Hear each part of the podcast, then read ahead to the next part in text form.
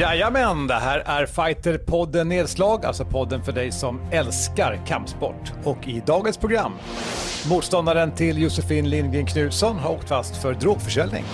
Det blir MMA, vi pratar UFC som har varit och UFC som kommer i helgen. Och Hamzat Chimaev, han tvingas ställa in mot Leon Edwards. Och så blir det det senaste inom svensk proffsboxning. Detta och mycket mer i Fighterpodden Nedslag. Än en gång varmt välkommen till Fighterpodden Nedslag. När vi spelar in idag så är det onsdagen den 17 februari. Jag heter Mårten Söderström och den här podden är ju fortfarande efter ett år faktiskt på distans. Vi har med oss Simon Kölle. Tjena Simon! Tja, tja! Konstigt det här med att det är på distans fortfarande, men ah, ja, vad gör, vad gör man inte? Det är därför det är Fighterpodden Nedslag. Det här är en lite kortare version som vi kör varje vecka där vi då helt enkelt uppdaterar inom det senaste från kampsport. Men eh, normalt har vi haft en podd där vi har gäster och så vidare, men det gör vi inte just nu. Jo, men jag håller med dig Mårten. Man saknar verkligen gäster och eh, vi har ju försökt lite också så här på distans, men det kan ibland bli lite knackigt och sådär. Så att mm. vi, vi harvar på så bäst, bäst vi kan. Sen ska normalt Edin Blad vara med oss, men hon är ledig idag och vi har bytt ut henne mot Johan Haldin. Välkommen! Tack så mycket! Ja, ska vi kasta oss in i det senaste då? Jag tänkte vi kanske ska starta kring det här att uh, Little Thunder, alltså Josefin Lindgren Knutsson, hon ska ju gå över till MMA.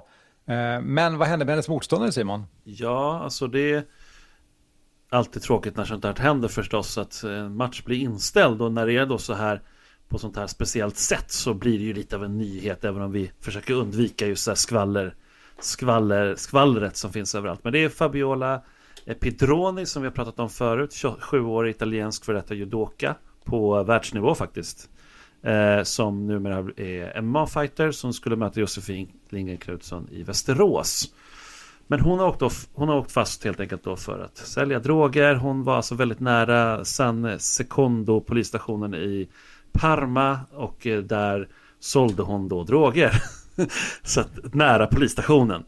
Så, eh, sen så hemma hos henne så hittade de över tusen stycken ecstasy-tabletter gömda i madrassen, massa pengar och eh, diverse andra droger. Så att, eh, och de har också kommit fram till att hon är hjärnan bakom den här drogoperationen som också What? hade andra kurirer. Eh, så att hon är nog borta ett tag skulle jag nog tro från MMA-svängen, eller vad säger du Johan? Om man... ja, jag, jag, det låter så. Tusen ecstasy-tabletter sa du? Ja. Ja, ja det är det är väl något, något år kanske, blir hon sittande. Antar jag. Italien. Nu pratar vi ja. Italien, inte ja. Sverige. Ja. De, de har helt andra drogproblem än vad vi har. De, jag, okay. jag, tror inte att de kan sätta folk på hur lång tid som helst. Då skulle det sitta jättemycket folk i fängelse. Så mm. att, uh, uh, jag vet inte hur, hur, gammal är hon? 27 år.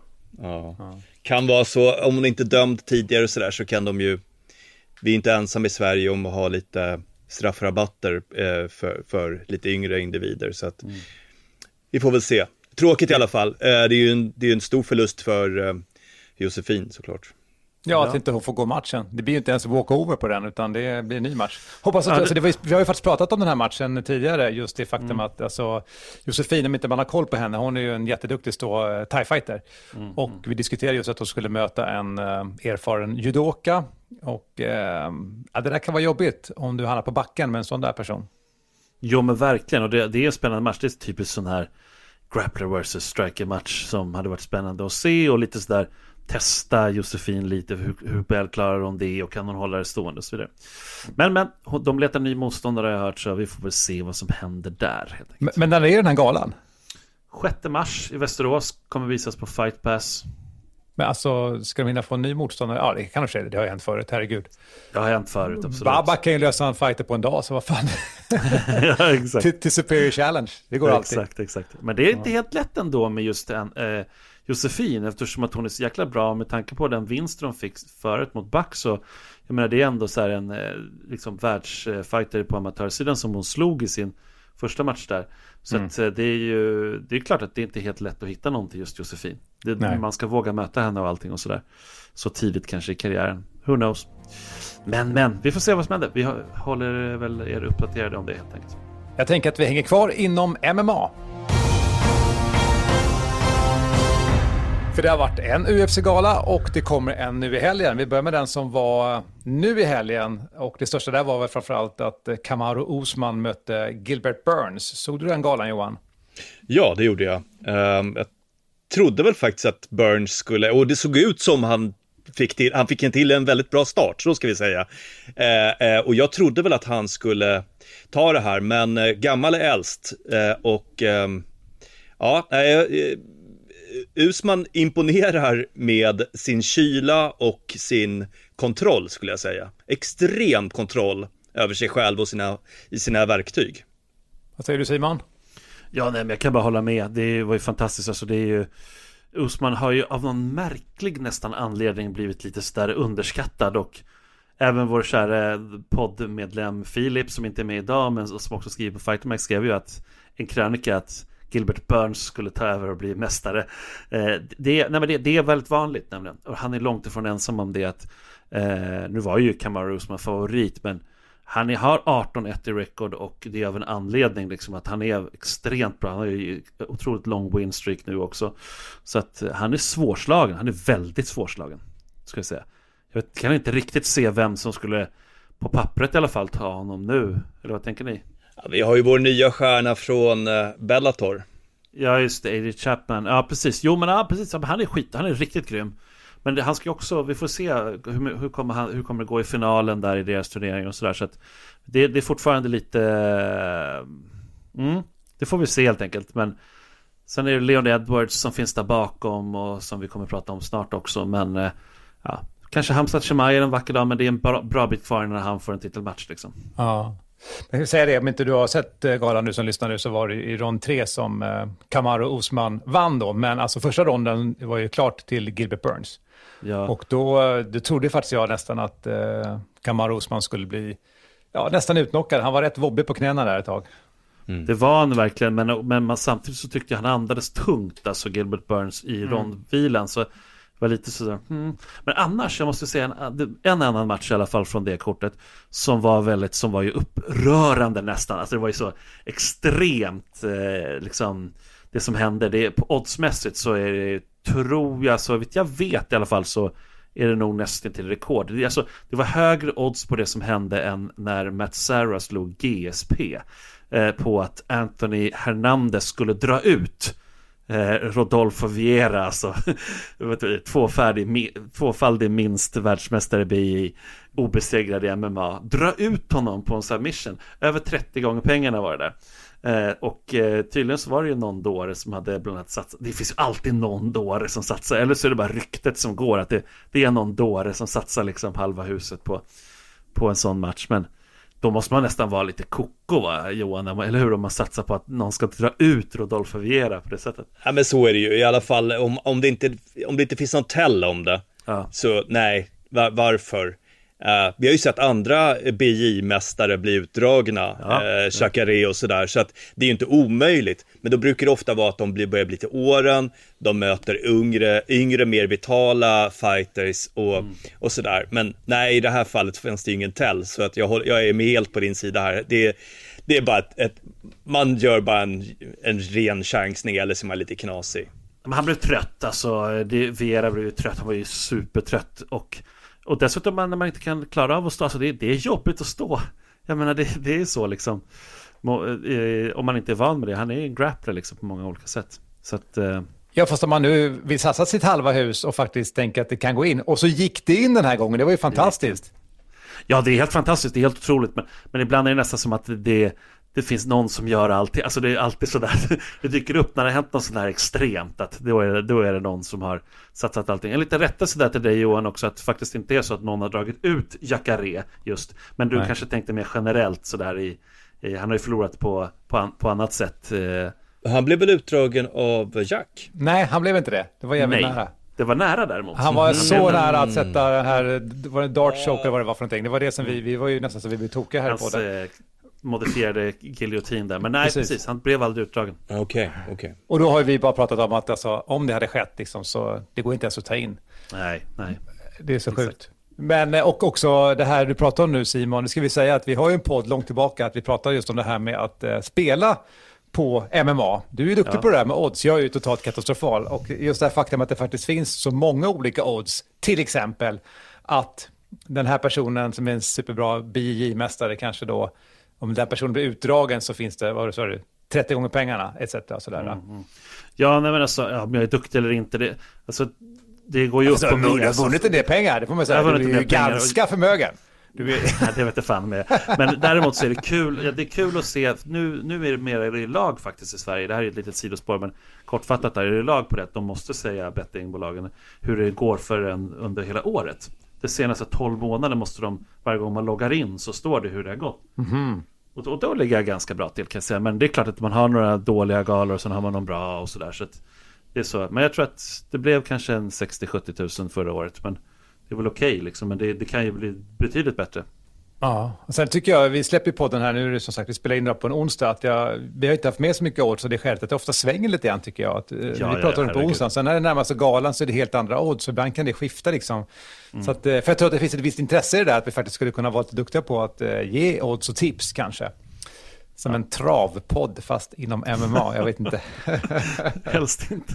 Nej men det är rätt kul, det, det är roligt. Ja, för mig ger det ju en extra dimension till det, helt klart. Ja. Det måste jag säga. Och, och, och, det handlar inte om att det ska vara så stora summor egentligen. Då, det är ju det, det är extra kul. Man följer och plötsligt så hejar man mm. på någon på ett helt annat sätt. Ja, jag förstår. Eh, vi stannar kvar inom UFC och yeah. tittar lite grann till helgens gala. Där är ju den stora, alltså huvudkortet är ju tungviktarna, Curtis Blades mot Derek Lewis. Vad säger du där Simon? Ja, spännande match förstås. Eh, det är väl på pappret så ser det ju ut som att det är Blades som borde kunna ta det där. Men eh, det är ju alltså han, eh, Curtis Blades han har ju 14-2 i rekord, kommer fyra matchers vinst vinstsvit, jag säga winstreak. Mm. Men vinstsvit heter det ju faktiskt på svenska. Båda förlusterna mot Engano, Francis Engano. Eh, Derek Lewis 24-7, det är ett bra rekord tycker jag. 24 Verkligen, alltså 31 fighter i professionella fighter ska man säga då i en eh, bur. Jag var lite mer, tänkte mer ur ett göteborgskt perspektiv då, 24-7 liksom. Jaha. Men skitsamma, skit, gick det flög, helt inte, över det flög inte mot Göteborg. Han har i alla fall en vinstsvit på tre matcher. Eh, har ju bland annat slagit Ilir, Latifi, mm. eh, Derek Lewis och sådär. Och eh, det är väl så att Curtis Blades, alltså hans fantastiska brottning borde bli ett otroligt problem för Derek Lewis. Men Derek Lewis kan ju å andra sidan bli nerplockad i, i fyra och en halv rond och och liksom sen bara vinna på en knock. Så att han behöver ju bara ett slag, eller vad säger du Johan? Ja men precis. Vi, han, han, är ju lite märklig spelare, eh, Derek Lewis, på det sättet att han, han ofta är, han gasar efter 3-4 minuter och ser ja. ut som han är på väg att kollapsa och faller omkring. Han har dålig styrsel i benen, men av någon anledning så ställer han sig upp hela tiden. Eh, och eh, och han ser ut som han ger upp när, när, som helst. Får han väg ett slag, det som hände mot Volkov till exempel eh, i, i tredje ronden, sista, sista sekunden mm, i princip. Han har blivit hel, helt överkörd och så får han väg mm. en smäll och så är det över. Det är tyngd i de där händerna, så är det ju. Ja. Um, jag är så otroligt tvegad kring det här, för att det ena är att jag tycker att han är otroligt ensidig och tråkig. Han är ju rolig i intervjuerna får man säga, liksom. Ja att han tappar byxorna och att hans balls are so hot och så vidare. Ah. Men, men det där är väl roligt att han är lite karaktär, men han är extremt ensidig och liksom, eh, ja, du vet det här klassiska, man har liksom en träff. Samtidigt mm. som att du sitter och väntar på den hela tiden. Eh, mm. Och så lyckas han då titt som tätt, vilket han då har lyckats väldigt mycket med, sätta den där och han, alltså, han flyttar ju väggar med det här slaget. Va? Mm. Otroligt. Jag tror att det var mycket det också som i början av eh, när MMA kom och det fanns, för början fanns det inga viktklasser alls. Så när det ändå började bli viktklasser fanns det ju få viktklasser och då var det väldigt många fans, vilket man nästan idag kan tycka är konstigt, som gillade framförallt tungvikten. Mm. Och eh, vi, vi som har liksom kanske hållit på lite mer med kampsport och sådär under åren kan, har ju sett att den bästa tekniken har ofta, alltså nu pratar jag väldigt generellt, det finns en och annan såklart tung person som har väldigt bra teknik. Men generellt har han kanske legat ner på vältevikten eller alltså lättvikten som det då hette, var ju en så bred viktklass en gång i tiden. Men legat med mot de viktklassen, liksom att det har haft bländade teknik framförallt. Men, men förut, då var det ju väldigt mycket så att det var just eh, tungvikten, just av den där anledningen att det när som helst kunde komma en knock liksom. Mm. Numera har ju, har ju det tagit ut sin rätt och fansen är ju framförallt backar upp och tittar på de här galorna med lite lättare fighters. Men, men det finns någonting som fortfarande kittlar i de tunga matcherna. Eller vad säger du Johan? Jag tycker ju inte det. Jag, jag nej, jag, jag, tycker lätt tungvikt och sen är det, sen är det bra. Eh, nej, men det är så få som får det verkligen, verkligen att fungera. Ja. Och eh, eh, efter att ha sett några, några tusen matcher så börjar det väl bli så att, mm, ja, eh, ja, det är inte så jättekul att se två stycken killar röra sig i förhållandevis i slow motion. Det är inte så jättekul faktiskt. Men det är inte två vägar kring det tycker jag. Det ena är ju, vilket sällan händer, men när det väl ibland händer att de startar explosivt, då vet du att den här matchen är alltså förmodligen slut innan den här ronden är slut. Eller så är det de här två som är taktiska, liksom, som känner på varandra. Och då tänker du bara nej, nu blir det fem ronder där det inte händer någonting. Liksom. och sen är de väldigt trötta på slutet och så står de bara hänger med varandra. Liksom. Och till slut så lyckas någon få in ett sånt där tungslag. Så det känner, jag har jag igenom det. Det, det, det som man älskar liksom, i framförallt lättvikten som jag är superfan av. Det är den här, eh, eller till och med så här bantamvikt, det är så otrolig rörlighet och det är så mycket tekniker, det händer så mycket som, mycket, mycket mer. Jag vet att jag är taskig nu mot dig som är tungviktare, men lite grann känns det så faktiskt.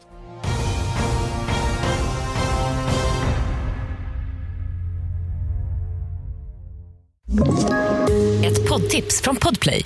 I podden Något Kaiko garanterar östgötarna Brutti och jag, Davva, dig en stor dos skratt.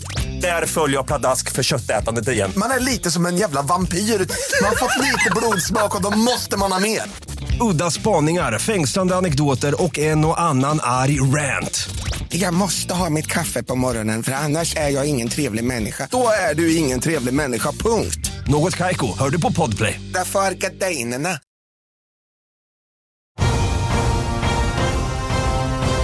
Jag kommer ihåg att jag pratade med Irma Smajic, alltså vår bästa kanske tungviktare i Sverige just nu, eh, om det här när han fightades på Superior Challenge eh, backstage. Och så pratade vi lite om tungvikten och vad, vad, vad som är lite grejen att vi har så få tungviktare, för vi har inte få tunga personer i Sverige, det är inte det va. Men det, det är svårt för folk att komma ner och han hade ju också ett, liksom ett stigma, han var väldigt kraftigt överviktig och blev mer eller mindre nedtvingad till en klubb och sen blev han världsmästare. Ja. Det är lite ganska rolig historia i sig. Men det säger någonting och det, det, är väldigt så svenskt perspektiv det du säger också Johan. Att det är väldigt många just i Sverige som tycker så som du tycker. Eh, och eh, sen är inte du kanske en vanlig svensk som att du också är en, haft en klubb och varit ordförande för förbundet och en gedigen kampsportsbakgrund. Men det är ändå så såklart att det är, det är någonting det, det, är en annan syn på det här helt enkelt i vissa andra länder. Där det är mm. fler tunga personer som är på klubbarna. Vi har inte så många tunga. Har du jättemånga tungviktare på din klubb Johan? Nej, nej det, och det är ganska ovanligt därför att det, det skaderisken är ju, blir ju större. Mm. Eh, och det är svårt att få sparring. Mm. Eh, det är inte så många som vill ställa upp. Vi hade ju en, en nordisk champ i, i Einemo, Jan-Olof ja, eh, Einemo tidigare. Han var tvungen att re, resa runt, det här är ju många år sedan nu. Ja, det det. Eh, men, men det har varit svårt för dem eh, eh, nordiska eller till och med europeiska fighters att hitta bra team. De behöver resa runt Uh, då var det ju många som samlades i, i Holland och sen också i Sankt Petersburg i Ryssland. Uh, uh, men de flesta behöver ju resa, resa land och rike runt eller runt hela planeten för att få mm. fungerande sparring. Uh, framförallt när man kommer till elitskiktet. Då är det ju, ja, det är ju ja, bristvara på, på den, den nivån. Sverige. Jag, jag tänker också utifrån amatörnivå och träning. Så jag har rullat en del liksom BJ och vi har ju haft min klubb, en kille, han är säkert två meter lång och väger långt över hundra. Mm. och det var ju alltid ångest i sparringen. Ja. Alltid när du skulle hamna där. Och jag vet att, eh, jag vet att en sak jag er, erfarenhet från det är just det här att de sällan själva är medvetna om hur stor skillnad det är i vikt. Mm. Alltså, han kanske vägde 110 och jag vägde liksom 75. Ja. Så jag vet att vet, när det blir press här, bara, man, äh, man klappar ut liksom, är du gjord av glas eller? Bara, Nej, Nej men du väger 35 kilo, kilo mer än vad jag gör. Och det där kommer jag aldrig glömma. Och jag tror att det är, du har inte koll på det. Du är inte själv medveten Nej. om hur stor du är. Så kan det vara. Men några som inte är så jäkla stora, det här var, det var väl en ganska bra segway, över till co-main event i helgen. Mm. Då har vi Katlin Viera eh, som 11-1 record som heter Jana Kuniskaya 13-5 record. Och det är lite sådär en eh, sleeper-match om man ska säga det, lite sådär, går lite under radarn. Men Kathleen Viera är ju ett verkligen ett intressant namn. Eh, och Jana Kuniskaya är ju tuff, hon har ju hållit på rätt länge nu. Eh, väldigt bra stående. Och det är ju, så det blir, det blir ett väldigt svårt test för Kathleen Viera, kan hon klara det? Alltså, då, då är det frågan om hur långt kan inte hon gå? Det, det, så det, det blir en spännande gala. Men de har varit lite top heavy tycker jag nu apropå det här med heavy då fast på ett annat sätt. De här senaste två galorna tycker jag. Inte super där på pappret roliga matcher. Eh, det, ibland blir ju de galorna bra ändå, men, men, eh, men, men bra liksom main events. Mm. Det kanske är liksom det är så vi får vänja oss lite nu när det är så pass många galor som UFC spottar ut. Jag vet inte. Vi får se. Nej, men ni pratade om det i förra podden när jag inte var med. För övrigt bra jobbat där Simon. Eh, alltså angående Bellator, att eh, alltså, de kommer nu. De gör ryck nu. De kommer, Alltså, de många kommer, tunga verkligen. namn liksom. Och, och jag fick aldrig klart för mig bara det. Eh, vet ni det nu? Var kan jag se Bellator i Sverige? Ja men det är kul att du frågar det. Det är, det är iPlayer, BBCs Play-kanal som eh, kommer visa den. Vilket man inte kan se från Sverige. Någonstans. Alltså, så, men det kan man, man om man har VPN då. Exakt. VPN-tjänst så kan man göra det och jag kollade faktiskt det innan här för att om jag ska säga det att gå in via en VPN-tjänst och kolla på det då vill jag kunna göra det och säga det och se att det är lagligt. Och det är lagligt faktiskt. Ja. Det, fin- det finns ingen lag i Sverige som säger att du inte får göra det via, via just dem. Sen kan du inte streama, kolla liksom olagliga streams och så, men det här är ingen olaglig stream. Så det, det, det får man faktiskt göra. Så att, men det kräver ju lite och det kommer ju verkligen vara få då tror jag ändå. Som ska ha en VPN-tjänst och sen gå in på BBCs iPlayer. Alltså jag vet inte, fan, vad håller de på med? Varför försöker de inte få Konstigt. ut det liksom till, till alla? Äh, ja, det är bara egentligen det är dåligt tycker jag. De borde få ut det till varenda land här i Ja, jag fattar inte att till exempel inte Simon plockar den. Simon ska kunna ta det till exempel. de kan göra det billigt bara för att få intresse. Ja. Liksom, här får, ni får mer eller mindre materialet, liksom, visa det. Ja, ja, who knows, vi får se. Vi stannar lite kort bara tänker innan vi går till proffsboxningen i MMA. Vi pratade förut Mm. om uh, Hamza Chimaev och han har tvingats ställa in sin match mot Leon Edwards. Vad har hänt där? Ja, alltså det är ju, jag- alltså jag tror inte att Hamzat själv ville ställa in, han ville säkert köra, han är ju en krigare i, liksom in i själen. Men eh, Mahdi Shamas, hans ena, ena manager, eh, ställde in den till slut. Alltså det, det är beklämmande dålig har han ju varit efter covid, alltså sviterna efter covid. Och så har han ju dragit på sig bronkit, eller akut bronkit och luftrörskatarr helt enkelt.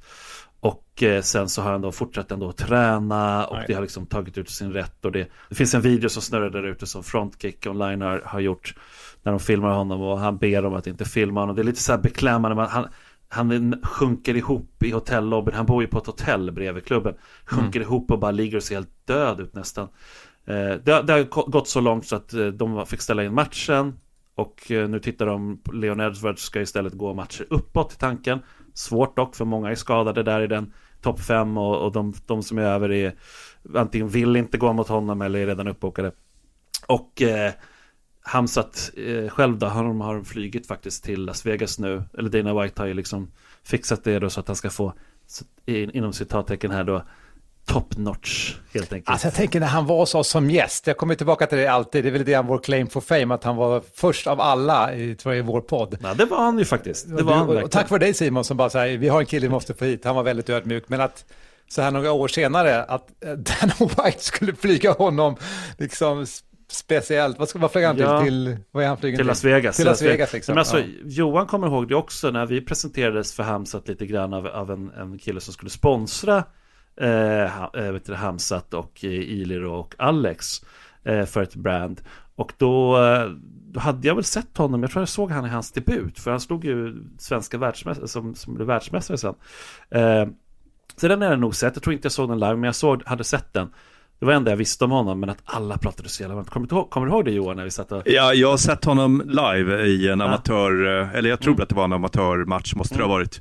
Och eh, man såg efteråt matchen att det var nog ingen mer som ville gå mot honom i Sverige. Nej, nej det var Det verkligen så. var, nej men han, eh, eh, det är som en slottermaskin. Ja. Det, det är liksom, nivåskillnaden var så påtaglig redan där. Så att det var, det var lite sådär, okej det här är inte riktigt sportsligt att släppa in honom här i...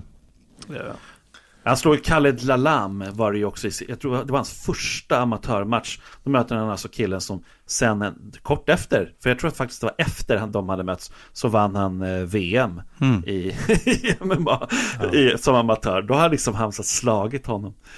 Alltså det är helt sjukt. Ja, vi håller tummarna för att han kryar på sig då, Hamza Chimaev. Och nu går vi över till svensk proffsboxning. Vi avslutar med lite svensk proffsboxning. Vad är det senaste där Simon? Ja, och där är ju Teddy på Fighter Mag som jag får tacka för, för de här informationen. Det är jättebra att gå in på Fighter Mag faktiskt just nu, för det, det, finns mycket information om boxning. Jag skulle säga att det nog är nästan eh, där i hela Sverige som man kan få information just nu om, om boxningen, eh, som är riktigt bra.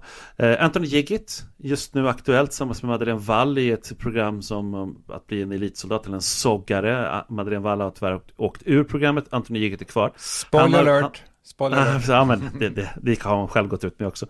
Eh, hon, han, han, har själv gått ut på sociala medier att han drar till eh, Miami eh, nu. När vi spelar in det här faktiskt så håller han på att flyga dit. Och förbereder sig för en match där. Så det ska bli väldigt kul. Vi vet inte riktigt vilken. Otto Wallin, det är väl det stora namnet just nu. Eh, han har ju varit med här i Sportspegeln nyligen eh, och han kommer ju möta Dominic Brasil nu på lördag. Det har vi redan pratat om så vi ska inte gå in på det igen. Men det känns som att det är, eh, kan han vinna där Otto Wallin då, då blir det ännu mer liksom Sportspegeln, ännu mer mainstream media som kommer följa honom. Så det, det blir väldigt intressant. Två namn till värda att nämna här i det sammanhanget. Oskar Alin, som vi har haft i podden också, han meddelade mm. nyligen att han har en ny match i Bryssel. Eh, alltså i Belgien, 28 mars. Och eh, så det är oklart vad det blir för match, men det tydligen ska det vara någon mindre organisation och han ska ha titelmatch där. Eh, Only One Management som arrangera galan. Pay-per-view kommer den vara på Facebook. Sen har vi Marianne Ahlborg som går sin andra proffsmatch på Universum Gym i Hamburg nu på lördag också. Eh, och möter Alexandra Rapaic.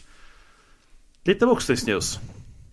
Spännande där. Jag tänker just på det här du sa med sport-tv och bevakning av boxning. Mm. Jag har en uppfattning om att de inte ens själva vet på, på sportsidan, eh, alltså det här med bältena och eh, varför Otto Wallin gör så bra ifrån sig eller varför XX borde bli uppmärksammad nu, att de inte riktigt kan navigera det där. Jo, men så kan det mycket väl vara. Det brukar finnas någon liksom boxningsfantast i varje redaktion i stort sett.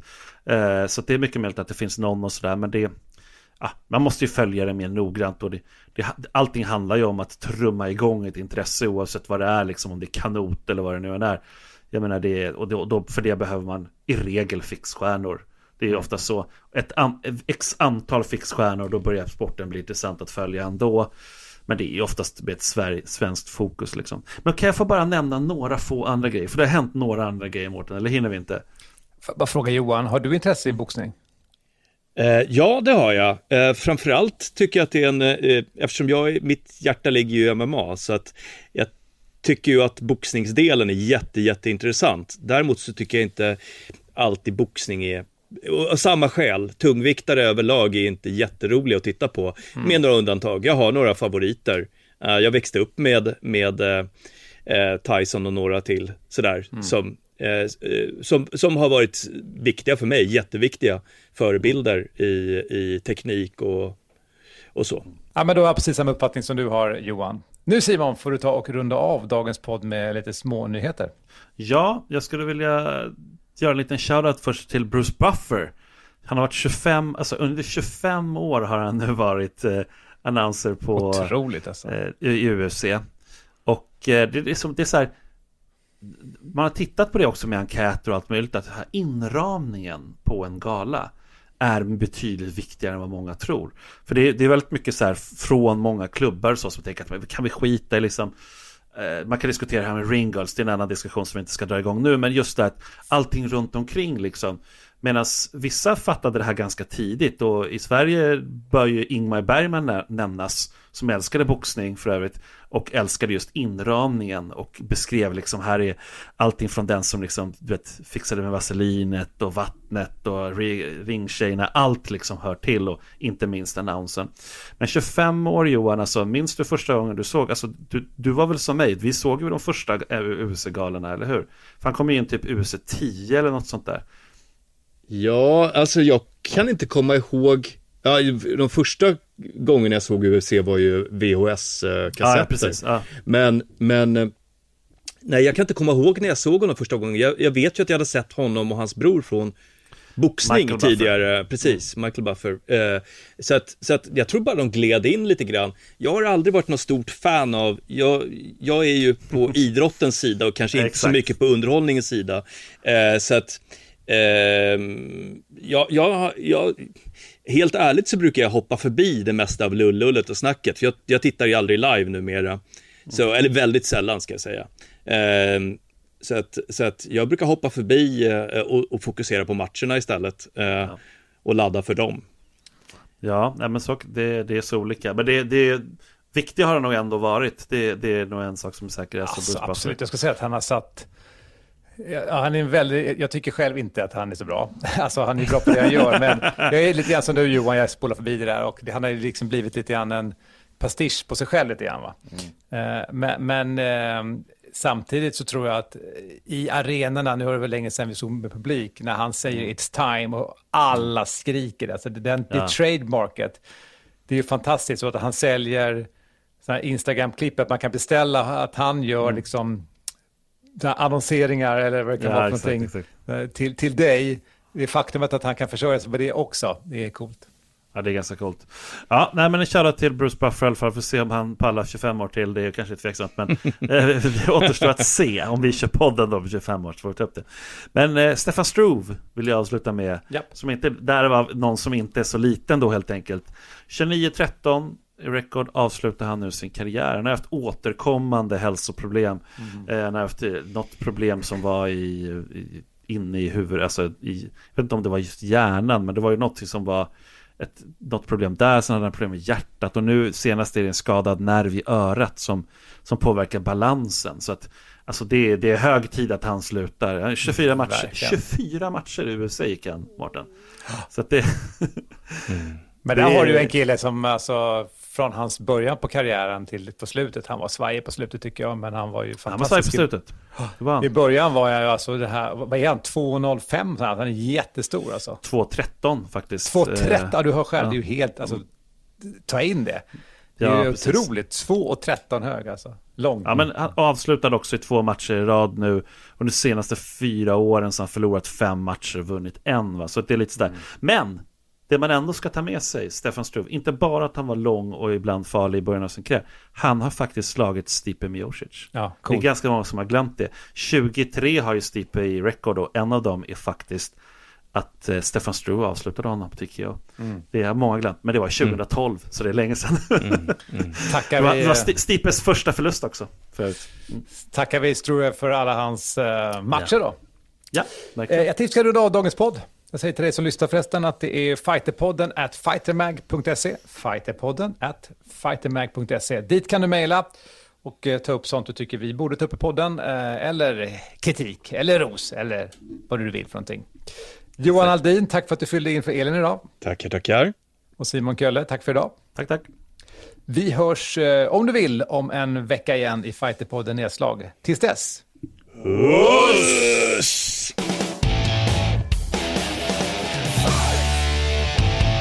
Fighterpodden produceras av Suba Media för Radio Play. Ett poddtips från Podplay. I fallen jag aldrig glömmer djupdyker Hasse Aro i arbetet bakom några av Sveriges mest uppseendeväckande brottsutredningar. Går vi in med hemlig telefonavlyssning och, och då upplever vi att vi får en total förändring av hans beteende. Vad är det som händer nu? Vem är det som läcker? Och så säger han att jag är kriminell, jag har varit kriminell i hela mitt liv men att mörda ett barn, där går min gräns. Nya säsongen av Fallen jag aldrig glömmer på Podplay.